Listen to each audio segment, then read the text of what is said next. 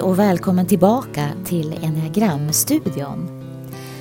Den här sommaren vill jag bjuda in dig till en sommarspecial.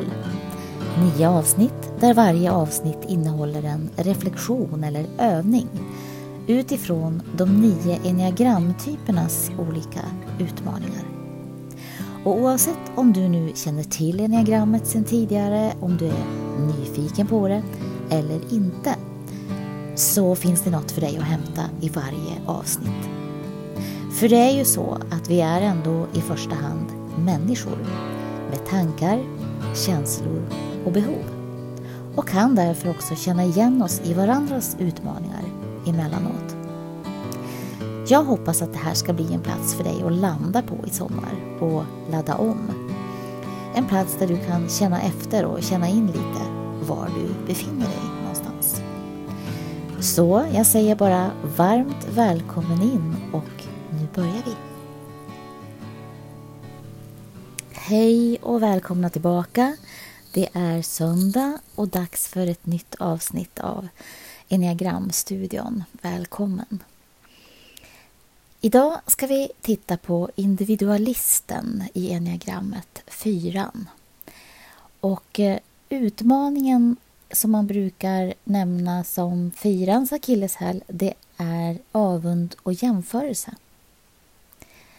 Vad som kan vara bra att veta är ju att jämförelse, precis som vreden som vi pratade om till exempel i avsnitt 1, eh, ligger i vår överlevnadsinstinkt.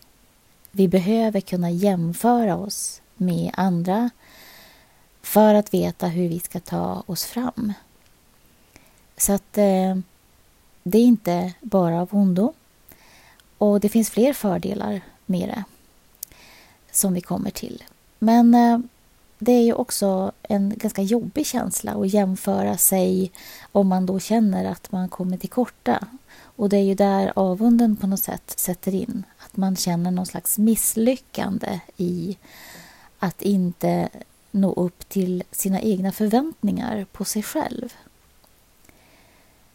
Ehm, det är lätt att tänka avund som missundsamhet eller som att man har ett ont öga mot den där personen som har något som man själv vill ha eller gör något som man själv vill göra.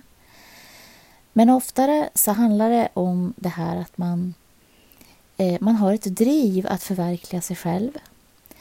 Eh, eller att uttrycka den man är i världen på ett eller annat sätt. Och i perioder när man känner att det där flyter på och man får göra det, man känner att man är någorlunda på rätt plats och så, då är det ganska sällan att den där känslan dyker, dyker in. Då, då, då flyter det på och man känner sig nöjd med den man är och så vidare.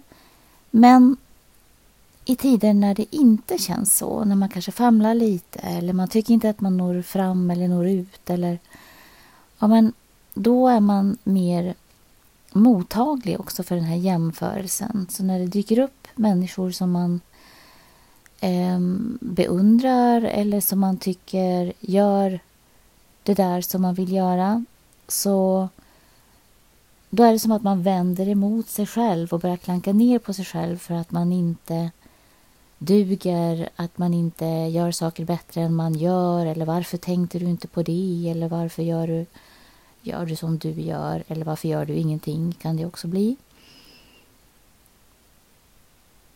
Jag tror att det här är någonting som vi alla kan öva oss i att se att även avunden, jämförelsen, har någonting gott med sig. Och det goda här, tänker jag, det är att den gör oss uppmärksamma på att det är någonting, det, det finns en längtan där innanför som, som vi kanske behöver ta hand om lite och odla lite, vattna. Ehm, att låta avunden bli en spark i baken istället. Det kan ju vara så att man, man har en dröm om någonting och man, men man kommer sig inte riktigt för. Man kanske inte orkar eller vågar ta de där stegen som man skulle behöva ta. Och sen dyker det upp någon som gör och tar de där stegen. Och det kan då om man tar det här på rätt sätt istället för att slå ner sig själv och känna sig dålig. Istället tänker vad kan jag göra för att, för att liksom vattna min dröm? Vad kan jag göra för att komma igång från mitt håll med det som jag vill göra? Jag läste en bok någon gång på 90 i början av 90-talet tror jag av en kvinna som heter Debbie Ford. Och hon eh, skrev en bok som hette Shadows. Och där pratar hon bland annat om avund som en slags skugga och att vi skulle inte känna eller uppleva avunden om det inte var därför att det redan fanns ett frö av längtan i oss efter någonting av det här som vi då ser. Eh, så låt gärna när du, när du känner det där stinget av avund eller när du märker att du börjar gå in och jämföra dig och klanka ner på dig själv så att du mår dåligt istället för att låta dig inspireras. Stanna då upp, tänker jag. Stanna upp och fråga dig vad i det här är det jag längtar efter? För du kommer att märka att det, det är inte det där exakt det där som den andra gör eller säger eller är som är din längtan, utan det är någonting annat. Eh, det kanske är bara att ja, men jag vill också beröra eller ja, men jag vill också nå ut eller jag vill också se min dröm gå i uppfyllelse. Genom att göra den så tänker jag att du är dels mer lyhörd då för ditt eget inre. Men det blir också att du blir mer eh, accountable. Eh, alltså att det blir som att du tar, äger din dröm på ett mer aktivt sätt. Du sitter inte och tycker synd om dig själv för att du inte har det där som den andra har eller får göra det där som den andra gör utan du börjar göra i saker i, i den riktningen så att du kan förverkliga dina drömmar. En, en annan sak som jag tänker är bra att komma ihåg det är att när man börjar racka ner på sig själv och tänka att man ingenting är och ingenting kan, att man istället tittar lite bakåt. Vad är det jag redan har gjort? Vad är det jag redan har åstadkommit? Vilka drömmar har jag uppfyllt i mitt liv?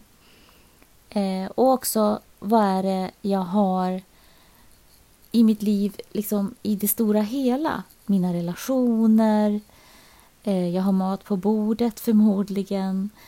Liksom, verkligen se och vara tacksam över livet här och nu.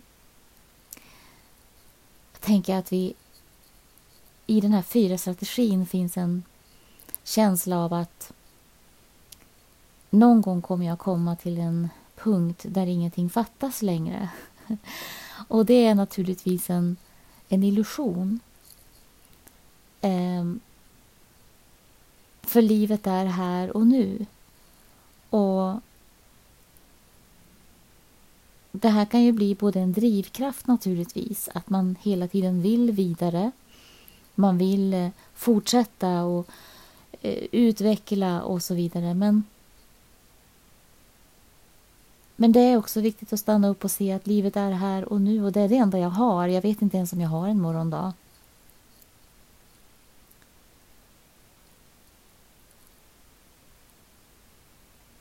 Så eh, Jag tänker att det är så viktigt att vi odlar våra drömmar. Att vi eh, lyssnar till den där längtan som uppstår när vi ser andra uppfylla sina drömmar. Och jag tänker också att det är viktigt att komma ihåg att vi, um, vi, vi är alla unika. Vi har alla därmed en unik plats på den här jorden, i den här världen. Och den platsen kan ingen annan ta från oss. För det är ingen som är exakt som du. Ingen som är exakt som jag. Men du kan inte heller ta någon annans plats. Om du skulle göra exakt det någon annan gör så skulle det inte bli bra. Därför att framförallt skulle det inte bli samma. Därför att du är du, eller hur? Och ju mer vi förstår att att det liv vi har att leva, det är det livet som vi själva lever och skapar åt oss själva, desto mer kan vi känna en, ett, ett lugn i det och en tacksamhet i det. Och få lite mindre prestationsångest, tänker jag. När vi pratade om trean så pratade vi om prestation och jag tror jag nämnde där just att det finns ett presterande i alla de här nio, fast på olika sätt. Ettan presterar genom att leva rätt enligt ettans egen måttstock. Tvåan genom att finnas till för andra, hjälp, vara hjälpsam och så vidare. Trean genom att vara framgångsrik. Och fyran genom att eh, liksom hitta sin unika plats och på något sätt mejsla fram den så, så mycket som man kan. Så att alla har sin egen variant på det här med att prestera. En annan fallgrop för fyran som jag också tror vi känner igen oss i är att vi kan känna oss missförstådda ibland. För fyran så är det här väldigt viktigt att, att bli sedd som den man vill vara. Jag tror att det hänger ihop med att man, man, man, man är så mån om att ens liv ska kännas meningsfullt och att eh, man ska på något sätt kunna översätta sig själv till omvärlden på det sätt som man själv önskar och vill vara. Och om då någon missuppfattar en som någonting annat så blir det smärtsamt och jobbigt. Och så vill man överförklara sig och eh, försöka få den andra att förstå att nej, så, så var det inte eller så menar jag inte utan det var så här, det var så här jag tänkte och så vidare. Och det är okej. Okay, men det kan också gå till överdrift. Så till dig som känner igen någonting av det här som jag har pratat om idag så skulle jag bara vilja säga att eh, nästa gång den där eh, känslan dyker upp stanna upp lite, andas Ta några djupa andetag. Och säg till dig själv att okej, okay, nu är den här igen. Och vad vill den påminna mig om? Vad är det den vill upplysa mig om som jag kanske slarvar bort annars? Vad är det för längtan? Vad är det för dröm? Vad är det för uttryck? Vad är det, vad är det som jag behöver se här? Eftersom jag känner det här nu i mig. och ta sen steg i den riktningen. Istället för att stanna kvar och tänka negativa tankar om dig själv. Ta rodret liksom, i ditt eget liv. Bestäm dig för att nej men okej, okay, nu känns det så här, det är det här jag längtar efter och vad kan jag ta för första steg här? Jag behöver göra någonting eh, i den riktningen. För det är uppenbarligen här någonting som jag längtar efter. Och ju mer konkret du kan komma på vad det är i det här du ser och upplever som, som du längtar efter, desto bättre naturligtvis. Så jag tänker avrunda där för idag. Och kom ihåg, du är en unik människa med en unik plats precis som alla andra är unika med sina unika platser. Och vi behövs allihopa. Vi är en, en, en, en, en vi är enskilda personer, men vi är också en enhet. Och vi är en del av ett större sammanhang. Eh, och det är också fint.